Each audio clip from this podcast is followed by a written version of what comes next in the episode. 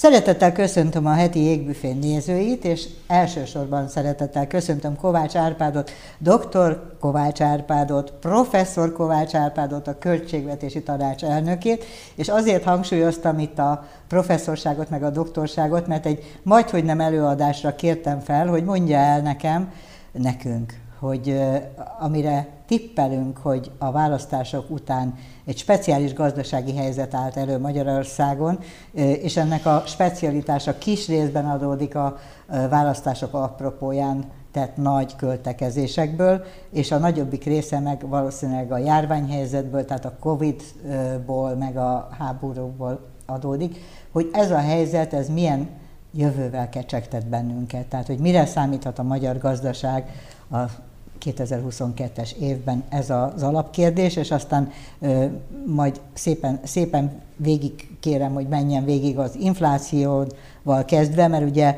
a laikus azt látja, hogy az infláció az irtózatosan meglódult, és azt vélelmezi, hogy a növekedés az meg lefele megy, és ehhez képest mi az, ami a valóság, vagy mi az, amit önök érzékelnek? Hát a magam nevébe beszélek, mert majd a költségvetési tanácsa múlt év végét azt április végén fogja értékelni, készülnek a dokumentumok, és hát valószínűsíthetően lesz költségvetési korrekció is, és hát kell új költségvetést is csinálni a 2023-at. Na most a, a Covid utáni időszakban a gazdasági növekedést azt a világnak az összes elemző cége, persze ez a, megint a félig üres pohár, félig tele pohár alapon megy, megy olyan 5-6 százalék körüli növekedésre valószínűsítette Magyarországon. Ez egy visszapattanás volt, teljesen más jellegű volt a, a gazdasági válságnak a lefutása a 2007-es időszakban, ahol egy viszonylag kisebb visszaesés volt, és egy nagyon lassú visszaépülés. A Covid után minden gazdaság nagyon intenzíven elindult, jó gazdasági eredmények voltak, volt, ahol kevesebb volt, de volt növekedés. Magyarország ebben igen szép eredményeket tudott elérni. Természetesen egyensúlytalansági problémák árán, természetesen inflációs hatások árán, természetesen a Covid miatti költekezések hatásárán, és természetesen a beruházási boomnak a, az egyensúlytalanságai árán is, tehát a, miközben a gazdasági növekedés magas volt, a költségvetési hiány az meglódult. Tehát ez volt a, a ukrán háború, orosz-ukrán háború előtti, előtti, helyzet. előtti helyzet, és egy elég optimistán néztünk a világban. Azt valószínűsítettük, hogy gyorsabb lesz a magyar államadóságnak a leépülése, tehát csökkenni fog, tehát el fogjuk írni belátható időn belül a 70 százalék körüli kis szintet. És 80,1 volt, vagy mennyi? Ö, valamivel hiány. kisebb volt, végül is a múlt évi hiány az ennél is kisebb volt. 76 egész valamennyi volt az emlék. Fejből mondom a számot, tehát jobb eredmények születtek ebbe a tekintetbe is, és, a, és a, a, ez az államadóság mutató egyébként, a GDP arányos államadóság mutató, és a hiány is azt hiszem jóval kisebb lett, mint ami tervezve volt, azt hiszem 7,5 Igen, igen, igen, az adósságot mondtam. Mert és ar- arra... Ebben, na most ezek a számok mind nagyon jók voltak, és volt egy jelentős mozgástér is. A költekezés ennek, a, ennek mindig van egy késleltetése, ennek az alapján indul el, tehát volt egy több ezer milliárdos mozgástér, amit szociális programokra fordítottak, régi adóságokra, kétségtelen volt választási költekezés is ezekben a ütemekben, és de hát minden rétegnél volt tulajdonképpen társadalmi rétegnél adóság, gondoljon a, a nyugdíjas rétegekre, gondoljon a, a, fizetések vonatkozására, bérmegállapodásokra, és maradtak is súlyos adóságok így a pedagógusok irányában. Igen. És más területek is vannak. Tehát ez volt az alapkiindulás. Na most a háború ebbe eléggé belerondított. Nem elsősorban a magyar-ukrán és a magyar-orosz kereskedelem, aminek az együttes nagyságrendje 4% körüli, tehát a magyar import-export forgalomban ezek elhanyagolható nagyságrendek, hanem a világgazdaságnak a megzakkanása miatt. Hát gondoljon arra, hogy teljesen átalakulnak a szállítási útvonalak, értelmetlenné válik a korábbi just in time, tehát persze való beszállításoknak uh-huh. a világa, sokkal több kamion lesz, nem köthetnek ki a hajók, tehát a szankciórendszereknek egy általános 2% körüli vissza vető hatása van. Mármint a világgazdaságra. világgazdaságra. És ez bennünket hogy érint? Ez körülbelül bennünket Ugyanis, is. Ugyanúgy, tehát nem, nem nagyobb, nem nagyobb mértékben, mértékben érint. Sőt, hát bizonyos mértékben szerintem talán egy picit kisebb lesz. Tehát a mostani... Mitől tud kisebb lenni? Azért, mert tulajdonképpen mi ezeket a, a mert a mi kereskedelmi kapcsolataink Oroszországgal és Ukrajnával nagyságrendileg kisebbek, mint a világnak. Uh-huh. Nagyságrendileg kisebbek. De azt ugye már nem kell hinnünk, hogy és egyébként jobb áron kapjuk a de jobb áron kapjuk. Jobb áron kapjuk? Jobb kapjuk. Azok a... És hát a, a világ is azért át, ért át az orosz kőolajra. Ugye mindig a Brent kőolajnak az árát adják meg. A, ha ezeket a híreket figyeli, akkor mindig a Brent. Az orosz kőolaj olcsóbb, viszont más erőművi feldolgozó kapacitásokat igényel, tehát nem lehet azokon az erőműveken átküldeni a, a Brent olajat, amelyek orosz olajra vannak 30 éve behálva és fölépítve. Ki kell cserélni az erőművet. Ah. És a raffinéri kompani, tehát a, a földolgozó kompani, tehát ebből adódóan... Ez a függetlenedés, ez nem egy egyszerű A függetlenedés ebből adódóan alsó hangon három-négy év, amíg ezek a beruházások zajlanak, tehát nem olyan, hogy átmegyek a szomszéd grocery shopba és megveszem a, a, ott a, a zöldséget, mert nem tetszik a, a viselkedése az ottani eladónak. Ez sokkal bonyolult, hát fel kell építeni a tartályhajókat. Teljesen más flotta kell. Föl kell építeni az ezt fogadó kikötőket. Tehát ezek 3, 4, 5, 6, 7, 8, 10 éves programok. programok, ami persze nagyon sokba kerül, óriási hasznot is hoz embereknek, nyilvánvalóan. Befektetési lehetőség, új Marshall terveknek a lehetősége jelenik meg egy újjáépítési időszakban, és hát ebből adódóan, hát ez egy nem egy könnyű. Egyébként a magyar gazdaság már erre felé fordítja a saját radarjait? Erre hát készül, a, vagy ezt nem a radarjait tudni? nyilvánvalóan erre fordítja, nyilván elővan készülnek ezekre az alternatívákra is, de én nekem meggyőződésem, hogy azért egy békésebb világra is érdemes készülni, amikor ezek a folyamatok kiegyenlítődnek, és lesz módusz vivendi. Én egy bután optimista ember vagyok ezekben a, a világpolitikai folyamatokban, mindig megegyeznek azért a a végén. A háborút A háború után mindig egy ilyen, hogy mondjam, egy módusz vivendi azért találtatik, és hát kérdés, hogy mikor, mert addig ugye elképesztő mennyiségű rombolás és kár keletkezik. Tehát mi most arra számítunk visszatérve a magyar gazdaságra, vagy én mondom első uh-huh. szám, első szemében nagyképűen, hogy ö, valószínűsítem, hogy valahol a növekedés ez a két és fél százalék, négy százalék közötti Aha. sávban lesz, ami boldog békeidőkben egy nagyszerű növekedés is van. Ez arra elég, hogy a társadalmi programok ne sérüljenek, tehát a nyugdíj, a pedagógus béremelés és a többi programokat végre lehet hajtani, tehát ennek megvan a anyagi fedezete társadalmi prioritások vonatkozásában. A rezsicsökkentés ügyében bizonytalan vagyok, hiszen annak a költsége azért elég tetemes, még akkor is, ha ez alapvetően ugye lakossági területekre terjed ki. A... Egyébként ez nekem mindig rejtély volt, hogy hogyan vezényelhető le egy, vagy hogyan programozható az, hogy, hogy az iparra más, meg a kereskedelemre más jövedelmi, illetve fizetési viszonyok vonatkoznak energiaügyben, mint a lakosságra. Hát a ez, nagyker kisker árak. Értem, tehát nem a technikája érdekel, hanem a filozófiája, hogy, hogy egyébként hogy lehet megóvni azt, hogy a, ezerféle módon mégis a lakossághoz is jusson el ez, mert egyébként nem lehet egyes szektorokra hárítani, csak valaminek a költségét. Megint fejből mondom az adatot.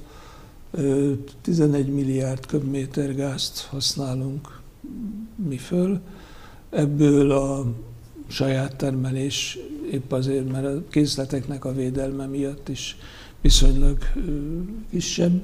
Ebből a lakossági rész az a kisebb rész, mondom én most óvatosan, és sokkal nagyobb, hiszen a rajtunk lévő ruha és gázból készül tulajdonképpen műanyagipari technológiákon Csak keresztül. a rajtunk lévő ruha már nem Magyarországon készül, hanem mondjuk keleten, távol-keleten. Hát most független attól, erre mondják, hogy a tőkés világ jellemzője, hogy megjelenik a textilipar, az a szegénység jele, mert ugye ez mozdul, és a maga igényű technológiák készülnek azokban az országokban, ahol az észt kell hozzáadni, de ez sem igaz ma már azért. Tehát azért ez nagyon sok tekintetben a világ ilyen szempontból átrendeződik, és a klasszikus kapitalizmusnak a tanai nem érvényesülnek. És hát minden esetre tehát tulajdonképpen kompenzálni lehet azokat a, a lakossági fogyasztókat, akik ezt csinálják. Természetesen ezt ki kell fizetni a államnak a szintjén, vagy meg kell fizettetni a, a más fogyasztóknak a világával. Ez is kezelhető, ez a ö, probléma is, de pénzbe kerül. Tehát azt, azt lehet mondani, hogy ma az valószínűsíthető, hogy olyan 60 ezer milliárd körüli gazdasági teljesítmény fog megszületni. Azt én magam részéről teljesen természetesnek tartom, hogy egy ilyen helyzetben, amikor a világ inflációs hatásai tombolnak, nem csak a, a ukrán-orosz háború miatt, hanem a termelési csődök miatt. A fagyi viszonyal mondhatom én önnek most szlengbe, hogy a, amikor a világ másik felére telepítjük át a textilipart, uh-huh. vagy a másik felére telepítjük át a csipgyártást, vagyis a hajón fejezzük be az autót, akkor abban a pillanatban, hogy a szállítási lánc sérül, az egész összeomlik, és mire visszahozzuk, az is pénzbe kerül Európába, tehát a globalizációnak a, a padhajtásait mondom én.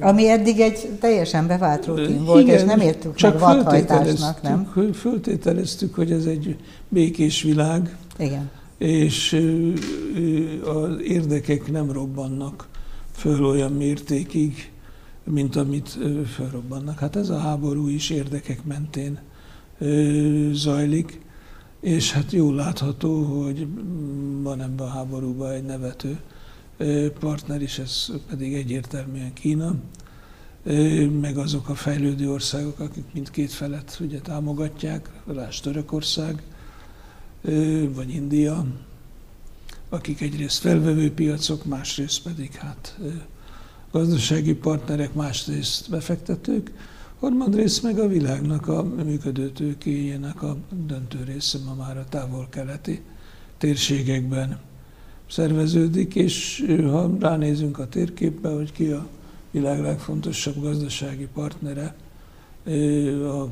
az adott ország számára, akkor kiderül, hogy az észak-amerikai kontinens rész leszámítva a világon mindenütt Kínát tartja az adott ország a legfontosabb kereskedelmi partnerének, beleértve európai országoknak a döntő többségét is. Jó, ez, ezt, a, ezt majd még folytatjuk a beszélgetés vége felé, hogy mit, uh, hogyan kell tekintenünk Kínára, vagy hogyan kell tekintenünk a magyarországi csápokra, hogy mi, mi fel érdemes kinyúlni, de például az inflációról, hogyha mondana néhány szót, hát, amit ugye gyakorlatban megélni, az uh, lényegesen nagyobb, mint értesülni az arányáról. Tehát, hogy, hogy a valóságos tapasztalatunk az erőteljesebb, mint amekkora az infláció. Hát meg nagyon erős az inflációs várakozás, tehát a közgazdaságra azért ez nagyon jellemző, hogy a közgazdaságban a jóslatok beválnak meg a várakozások, tehát maguk a várakozások azok gerjesztik az gerjesztik aztán a, a, a dolgokat. A, a világ inflációjában Magyarország inkább a középmezőnyben helyezkedik el. A visegrádi országok közül is többnyire magasabb infláció volt a múlt évben, mint nálunk. 10% fölötti érték is van, olyan mint a országokban, mint a balti államok egyike másika. Az Egyesült Államokban igen nagy, Németországban jelentős, tehát a magyar inflációs folyamatok azok 80%-ban követik a világtendeket. Na most, ha megtetszik kérdezni azt a dolgot, hogy ez miért van, Hát elsősorban a globalizációnak emiatt, a megzakkanása miatt a várakozások, hiába van meg egy autónak 98%-a legyártva, az a két kütyű, ami egy újnyi nincs meg, akkor az autó pénzt visz, ott áll a raktáron, pucolgatni kell, fedelet kell biztosítani, közben elavul, míg ott áll, mert már azóta újabbat lehet kitalálni. És hát sajnos ez a jelenség, 50 valahány hét volt a várakozás adott esetben alkatrészekre, ezt mindig figyeljük, nézzük, hogy ez hogy alakul. A megrendelés állományok Tehát több mint egy év? Hát több mint egy év adott esetben. Hát, Ó Istenem, én még emlékszem a régi szép időkre, amikor egy év várakozás, az semmi se volt egy autóra. Hát Ezt most újra itt 30 tartunk. évvel ezelőtt idők. Most Jön a Merkur is vissza? Kis hát a Merkur világa nem jön vissza az soha, hanem a, a, a gyártói kapacitásoknak a, a zavarai jönnek vissza. Egyébként hát, csipgyártásra nem lehet átállni viszonylag idő. gyorsan? Az is idő? Minden idő. Minden idő. Ez egyébként a nemzetközi munkamegosztásban volt egy, ö, ö, hát egy ilyen logikus felosztás, hogy, hogy hol gyártanak csippet, hol gyártanak nem tudom én micsodát. Tehát, hogy egy, egy megegyezés volt, hogy, hogy... Hát a kereskedelmi kapcsolatok így alakultak. Ki fokozatosan. Ezt úgy hívták, hogy költségoptimalizálás. Hogy a legolcsóbb legyen, ugye, és legnagyobb hasznot lehessen a terméknek az árán, mondjuk egy autó árán bezsebelni. Hát ebből adódóan a motor itt készült, a sasszi, az, a kocsi szekrény az valahol Tajföldön, a elektromos kütyük azok ki tudja, hol éltek benne, a földfémeket nem tudom, Oroszországból vagy Ukrajnából szerezték be hozzá is.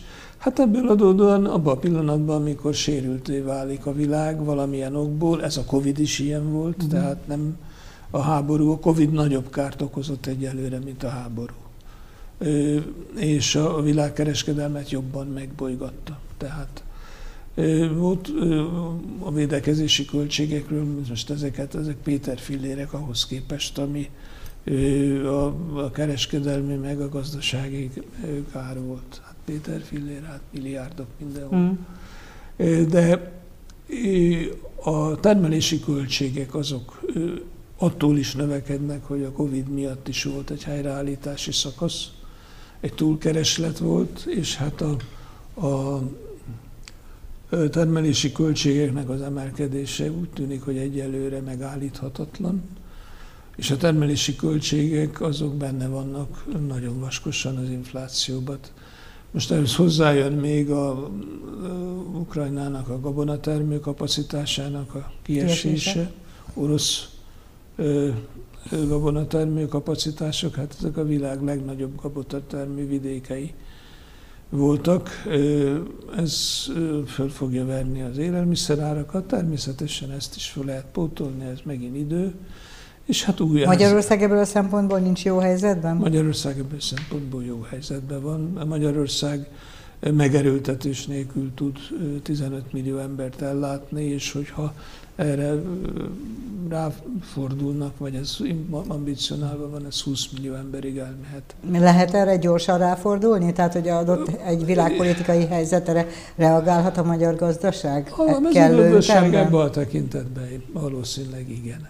Mert Tehát ugye a, a magyar agrárium az 30 évvel ezelőtt az nagyon híres volt, vagy nagyon híres, az nagyon jól működő volt, aztán utána történt, ami történt, de az adottságok azt hát feltételezésem megint, szerint azért létezőek most is. Hát itt is végbe ment egy tőkekoncentráció és egy modernizációs folyamat, megjelent a, a elektronikus traktorvezérléstől kezdve, és hát ma már elvárható egy gazdától, hogy a rendezett műhold alapján megtalálja a földjét, ami hát szinte képtelen igénynövekedéseket csinál. Az egyetemeken én találkozom szép számmal olyan hallgatókkal, ahol azért tanulnak, hogy a gazdaságot átvegyék, mhm. és növekszenek, és nagy termőterületek alakuljanak, és hát persze van ember együtt, aki ebből a versenyből van rövidebbet húzza. Tehát a mezőgazdasági része, az áremelkedés visszafoghatni itt is természetesen, mert hát miért ne érvényesítje az a magyar gazda a, a, az igényét. Tehát, Hiszen ő neki műtrágyát kell vennie. Műtrágyát kell vennie, ez összefügg ebben, a műtrágya energia, Függő. Derül, energiafüggő, hát derültem. És akkor most áteveznék ezzel az energia szektorra, hogy nevezetesen Magyarországnak speciális helyzete volt, azt hiszi, az, az átlagjárókelő azt hiszi, hogy attól, hogy Orbán Viktor jó kapcsolatokat ápolt Putyinnal, attól a mi gázellátásunk az egy masszívabb jövő elé néz, mint mondjuk a többi. Hát, ha a, Közben azért a háború szerintem ezen alakított egyet és mást. Tehát, nem. Nem? Meggyőződésem, hogy nem. Tudnék, Magyarország mellett gyakorlatilag egész Európa energiaellátásában a meghatározó országok, Francia ország kivételével, Németország és mások. Ha ránéz az ember, hogy ki támogatta, hogy ne legyen a gázra szankció. és szankció ezen a területen, hát nyilván az óriási gázimportőrek voltak igen. Kaptam öntől remek diagramokat ezt tekintetben, és azok nem hagytak kétséget a felől, hogy a Németországgal együtt mozgunk kitettség tekintetében például. Hát ha Németországban valaki elfeledkezik magáról most a magyar gazdaságot illetően, a mostani struktúrában, de nem csak a magyar gazdaságot, hanem a cseh vagy a szlovák gazdaságot, a lengyel gazdaság egy kicsit más, akkor bizony a szagot itt érezzük. Tehát ez nagyon, nagyon nagy mértékű, hát a német működőtőke Magyarországon az 60 körüli, és Csehországban bőven annyi, és Szlovákiában is ennyi, a lengyeleknél valamivel kevesebb, az export-import kapcsolatok is hasonlóak, tehát lehet, hogy sértő, és ebbe a tévében nem szabadna ezt elmondanom, de elmondom. A német, az orosz medve évekkel korábban magas szőke német férfi képében érkezett. Így érti, hogy tehát gyakorlatilag a, Németországtól függünk, nem, nem gyakorlatilag vagy a kitettsége Magyarországon, a Magyarország kitettsége német gazdasága. Német gazdasági. Ezt úgy nagyjából az ember tudta, tehát ez a hétköznapi emlegetettség szintjén megvolt ez a tudás nekünk, csak hogy ez ilyen nagyon szoros együttmozgás, az... Ez nagyon szoros együttmozgás. Hát a, a magyarországi gyárt, hát Magyarország abban a tekintetben logisztikailag egy nagyszerű helyen fekszik. Hát a, a Európai Unióval folytatott kereskedelmünk, az kereskedelmi kapcsolatunk 80 százalék.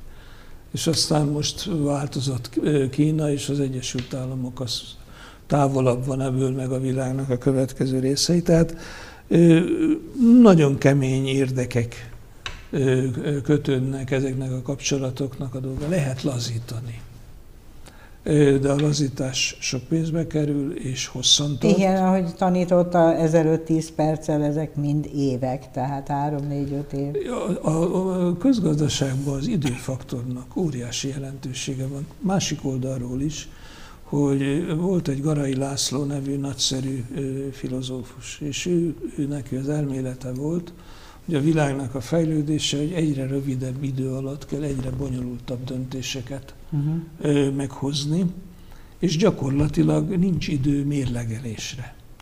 És intuitív döntések jelennek meg, nagyon erősen, meg érzelmi döntések jelennek meg, mert nincs idő elolvasni azt a 200 oldalt, ami erről a szó, vagy, vagy a, hát. meghallgatni a tanácsadókat, és megjelenik ez a, a világ, Ez olyan, mint a rakétának a dolga, hogy, hogy minél közelebb telepítem meg, minél hipergyorsabb a szerkezet, annál rövidebb idő a lereagálásra, hogy ez most barát vagy ellenség, és a totojázáshoz végzetes, végzetes eredményekkel járhat. járhat.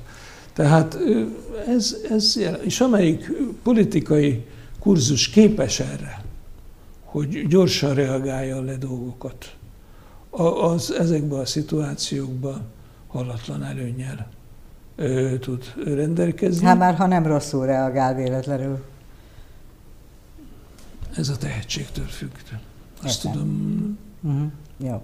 Ami a háborút illeti a magyar gazdaságra való ö, hatása, az miben látszik már most, és milyen távlati hatása tippelhető meg? Hát először mondanám azt, hogy biztos fogja a magyar munkaerő problémát oldani. A magyar lélek problémában, már se biztos, hogy politikus mondanom, de miért nem mondjam, tulajdonképpen szórványa alakítja az egy tömbben élő kárpátaljai magyarságot, és aki teheti, eljön. ez történik a lengyelek vonatkozásában is hiszen három millió lengyel ért ugye, ezeken a valamikori lengyel területeken. De már négy millió ment át? De már négy, hát ennek egy része nem, nem lengyel természetesen. De most hát ebből adódóan a magyar munkaerő probléma valamit oldódni fog. Mert hogy jönnek ide is. Bár jönnek eddig nem ide. tudunk róla, hogy nagyon itt akartak volna maradni.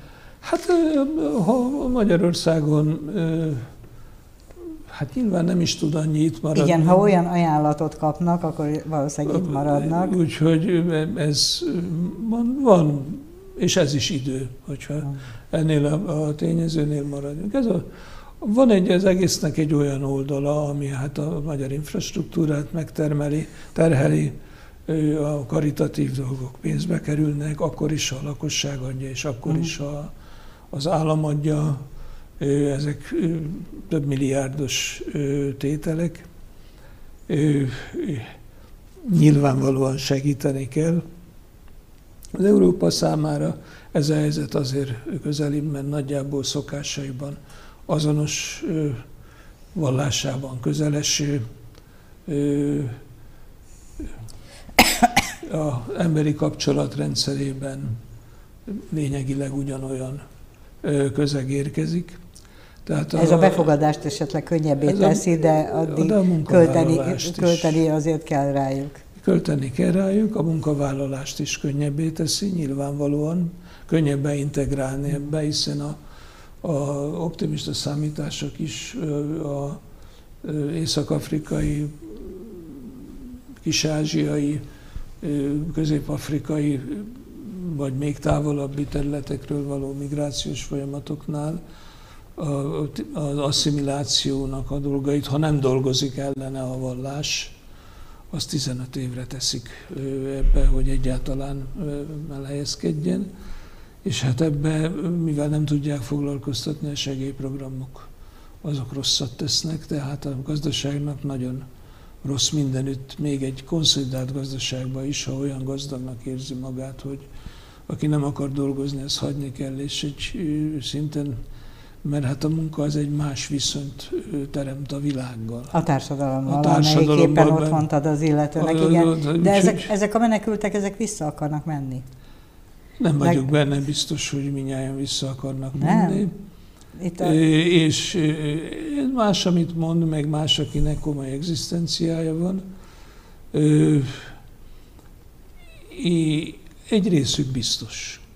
Hát egyébként mondom most némi cinizmussal, hogy az is egy hamis beállítás, hogy Magyarországról most az elvándorlás az nagyobb visszavándorlás van Magyarországra a Covid-nak is köszönhetően, meg a jobb munkabéreknek köszönhetően több tízezerrel többen jöttek az utóbbi években vissza, mint amennyien elmentek évente. Tehát a nagyságrendben van ilyen, de azért az önkin marad vagy ott marad abban a részben, és ott teremt egzisztenciát. És persze ez akkor könnyebb, hogyha neki nem kell megtagadni a létet, hiszen a kindolgozó magyaroknak a 80%-a, vagy aki elszámozott, ellentétben más országokban megtartotta a magyar társadalombiztosítási rendszerben a tagságát, fizeti ezt a bizonyos 7000 valahány száz forintot, és hát fejreállítja a várakozási listákat. Hát ilyen következmények is vannak, mert ő akkor akar szülni, fogad húzni, ö, ö, szemet operáltatni, amikor hazajön szabadságra. Jó, bocsánat, csak félek, hogy kifutunk az időből, és még egyetlen szót sem beszéltünk arról, hogy, hogy Magyarország Európai Uniós pénzvárakozásai mennyiben alaposak ön szerint? Tehát, hogy van-e, van-e stratégia arra nézve, hogy ha a mostani eljárások nem sikerrel zárulnak, vagy tárgyalások, mert 30-án meghallgatása lesz a magyar, magyar ügyinek, és hogyha nem, nem kapjuk meg a vagy nem tudunk hozzájutni a hitelhez, nem tudunk az újjáépítési járvány utáni megszerezhető Európai Uniós pénzhez hozzájutni, az mennyiben határozza meg a gazdaságot? Semennyire. Semennyire? Semennyire. Ezek nagyon fontos pénzek. Az Európai Uniós pénzbeáramlása GDP arányában másfél százalék körüli van. Nagyjából annyi, amennyi a törlesztő részlete a adósságszolgálati részlete, hiszen ezt fizetjük a, az államadóságnak. 2017 volt, amikor többet kaptunk az Európai Uniótól, mint amennyi az adósságszolgálat volt. Ez, ezek... Na de akkor az adósságszolgálatot máshonnan fizetjük, hanem elég, akkor, ha... Igen, csak ez a GDP-höz képest lement egészen kis mértékre, és tulajdonképpen nem érdemes különösebben vele foglalkozni, mert az néhány ezer milliárd forint. 5000 milliárd forint, az kevés? Mennyi? 5000. Az 60-hoz viszonyítva az nem olyan rettenetes sok, és azért ma már ennek a mértéke a GDP arányában ez nem meghatározó. Ebben a sokkal meghatározó volt, amikor a GDP kisebb volt. De a konkrétumra mondanám, hogy a múlt évben ez az újjáépítési alap, aminek mindenféle neve van, az 350 milliárdot tett volna ki.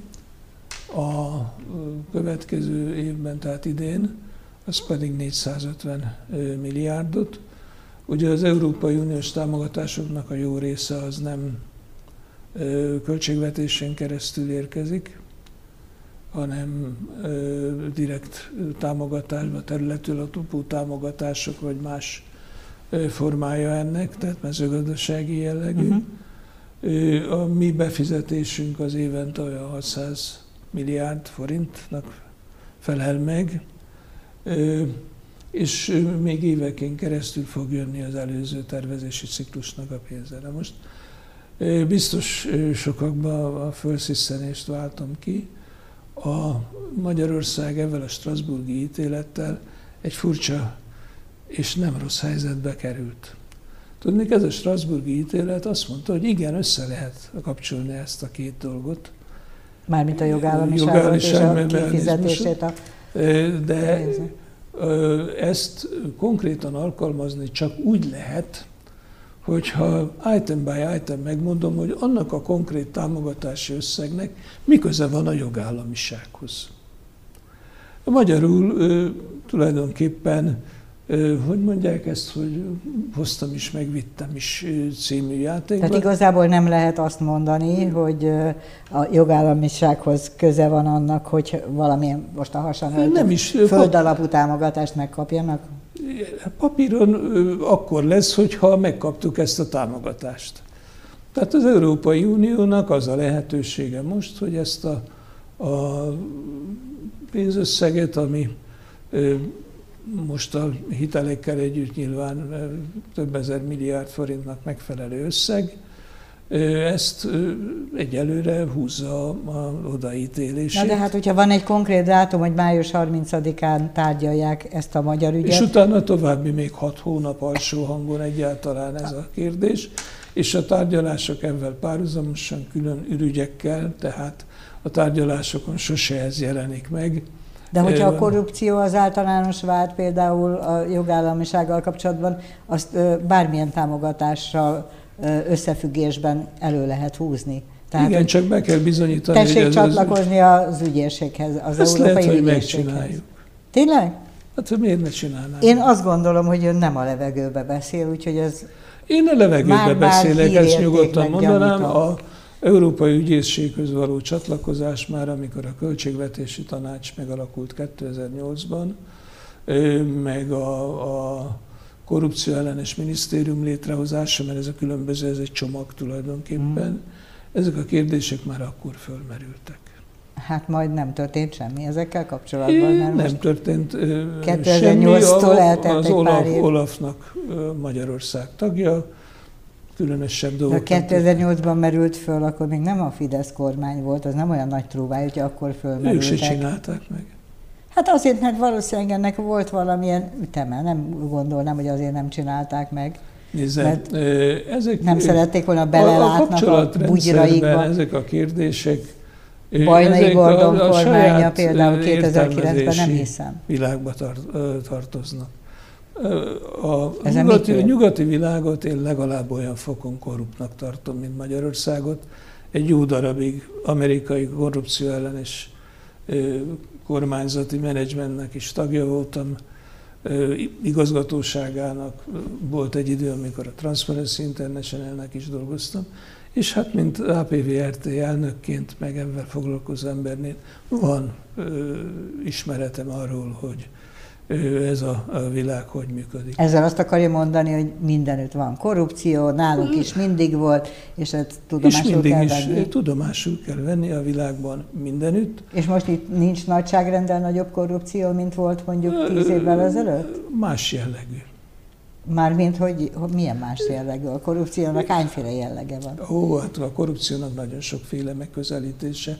Lehetséges büntetőjogi értelemben Magyarországon soha nem volt mérték a korrupció, korrupció jellegű bűncselekmény, a több százezerből ezer körüli volt évtizedeken keresztül, és most sem lényegesen több, ráadásul, hogyha úgynevezett korrupciói ügyek fölmerülnek, akkor ez részben összefügg avval, hogy a védekezés hatékonyabbá válik ebben. Másrészt van például lobbitörvény, tehát a korrupciónak Ó, van a lobby törvény az még érvényben van, mert a lobby... nem, nem, a másfél országokról beszélek Ja, én most. azért, mert Magyarországon Tehát is szó volt ilyesmiről. ahol, ahol Rég. ezek a dolgok léteznek, ott, ö, ö, hogy mondjam, a megítélés ebbe más.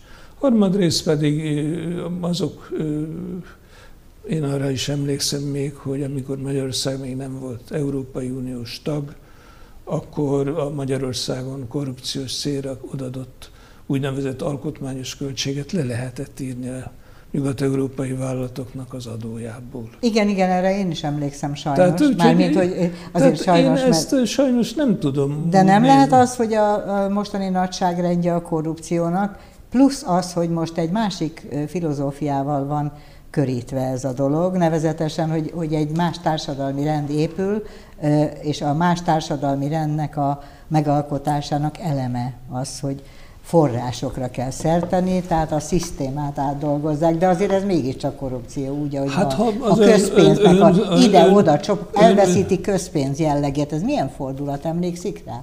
Hát ez egy Ö, isteni dolgok Miért? voltak. Mekkorát vitatkoztunk még, még talán éppen ön volt velem, a, aki megkérdezgette tőlem, hogy amikor a állami vállalatnál már, ami állami vállalatot már nincs közpénz, mert elveszti a közpénz jellegét, ez a vita már még más kormányok idején is bőségesen lezajlott, és egy külön törvényt kellett arra hozni, hogy a állami költségvetésből kikerülő pénzeket azt lehessen vizsgálni mondjuk a felhasználó vállalatnál, vagy, vagy szervezetnél, és külön felhatalmazást kellett adni, mert úgy érezték, hogy az már nem... Tehát ez 94 óta hömpölyög ez a Ez sztori, a azt akarja 94 mondani? óta fömpölyög.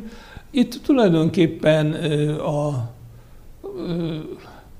az érdekérvényesítésnek a lehetőségei változtak meg. Mármint, hogy csak a centralizált érdekérvényesítés az Centralizált érdekérvényesítés van, azon lehet vitatkozni, hogy ez mennyire szolgálja a, össztársadalmi érdeket, van, aki máshogy vélekedik. Hát nézd, a negyedik kétharmadnál ezen se lehet vitatkozni, mert az össztársadalom azt mondaná, hogy ez neki nem tetszik, akkor nem, vasárnap nem lett volna éppen megszületőben a negyedik kétharmad. Jó, csak azért ön a következőt mondja, én nagyon sokat vitatkoztam ezzel, egy olyan kiegyenlítette politikai világban a jobb és baloldalnak a az embereivel, ami megint ugye kétséges, hogy mi a jobb oldal, meg ki a Igen, hát bal oldal. Sajnos. És ebbe a világban, és mondtam, hogy nem jó az, hogyha a korrupciós vádaszkodással próbáltak egyes, egymás ellen harcolni, mert teljesen immunissá válik a társadalom ez iránt a kérdések után, és mindenkit korruptnak tart és mosolyog rajta. Na most hát természetesen senki nem hallgatott ebbe, rám hát miért hallgatott volna egy szakmai dolgokkal foglalkozó emberre. Én inkább egy amerikai kutatást szeretnék mondani. 40%-a a korrupciónak soha nem válik ismerté. Soha.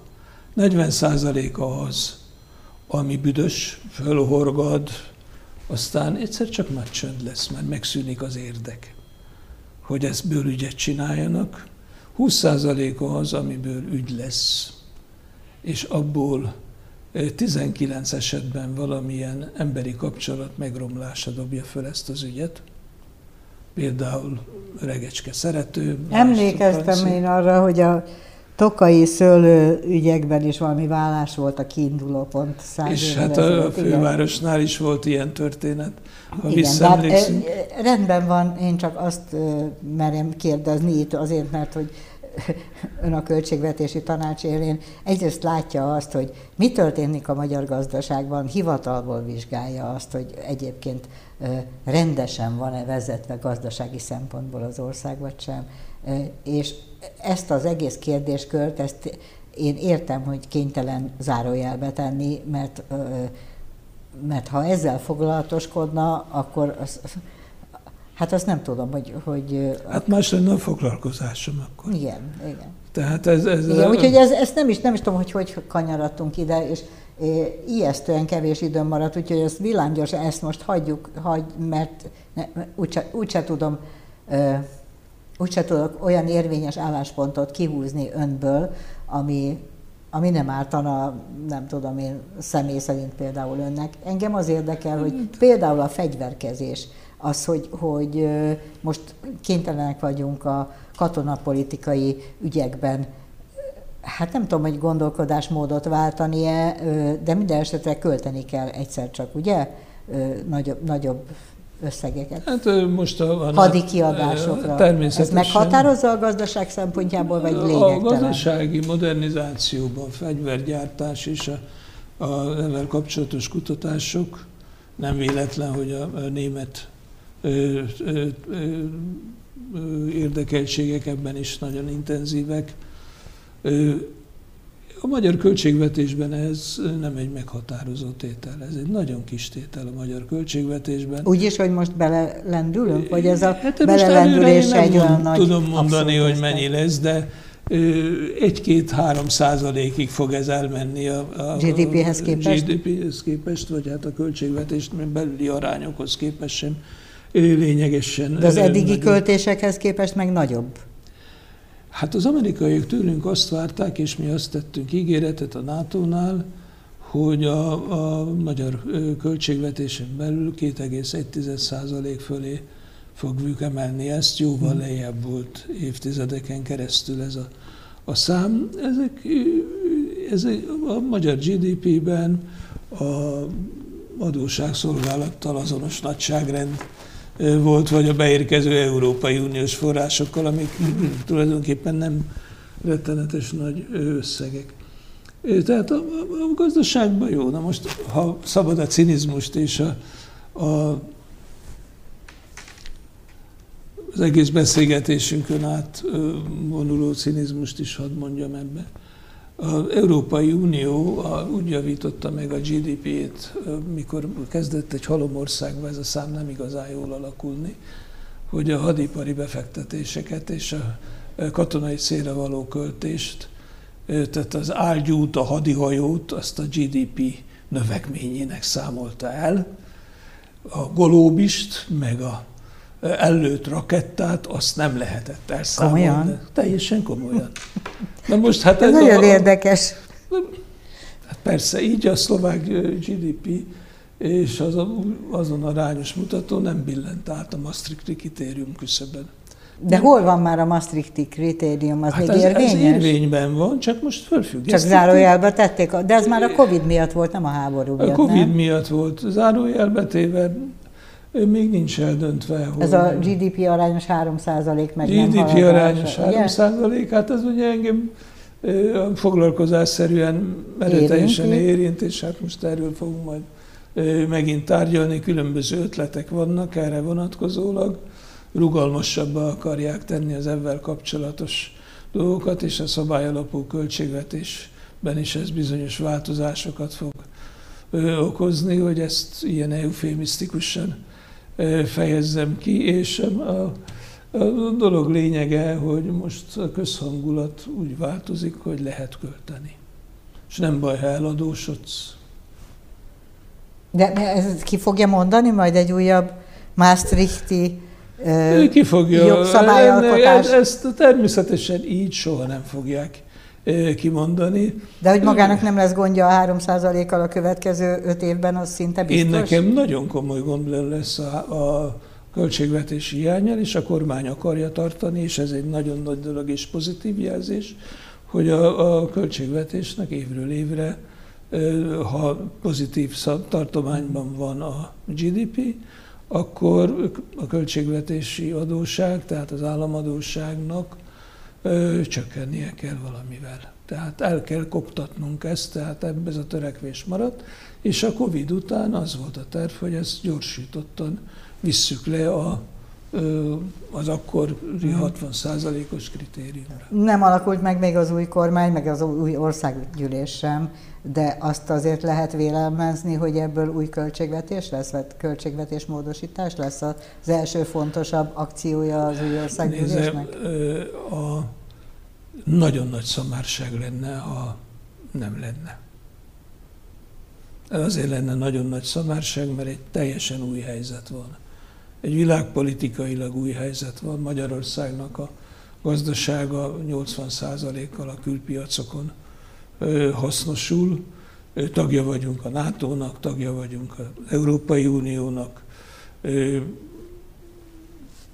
Nyilvánvalóan ezek a gazdasági körülmények is erre intenek, hát az inflációnak a 80% az nem magyar eredetű. Én nekem az a meggyőződésem, hogy ez olyan jellegű áttervezés biztos lesz, amiben lehetőség van, és van valamennyi mozgástér, és azt is Stumpf Istvánhoz hasonlóan nekem is az a véleményem, hogy ő a kormánynak ezzel a kétharmados felhatalmazásban, ezekben a kérdésekben a mozgástere nagyságrendileg nagyobb mint egy ilyen döntetlen közéli állapotban. Lehet volna. Lett, hát lett volna. Most már a 12 év után, a 13. kétharmados évbe fordulunk bele, úgyhogy minden bizonyal látni fogjuk, hogy hogy alakul a költségvetés, és minden bizonyal lehet tippelni arra, hogy a benzin áremelés és a rezsicsökkentésnek a változó szisztémája el fog érni bennünket hamarosan. Hát nem? most az olajára az csökkent az utóbbi időszakban ebbe. Tehát világpiaci ármozgások vannak. Én mindig, amikor ezeket látom, akkor arra gondolok, hogy emberek, akik jól informáltak, milyen iszonyatos pénzeket tudnak keresni, annélkül, hogy egy millimétert mozdulnának. Hát a, elmozdul a dollár, vagy az euró, vagy a forint árfolyama. Jó információ, vagy jó spekuláció nagyon nagy. A dolog lényege, hogy mozogjon, mindegy, hogy lefelé vagy fölfelé. Dolog lényege, hogy keresenek olyan ismerősöket a kedves nézők, akik megtanítják vagy őket legyen sortolni, olyan, és jó tippeket adnak. Vagy legyen olyan tehetséges az illető, hogy ezt megérezze. Köszönöm szépen, hogy itt volt Kovács Árpád, jöjjön máskor is. Önöknek köszönöm a figyelmet, és jégbüfé lesz jövő héten is. Viszontlátásra!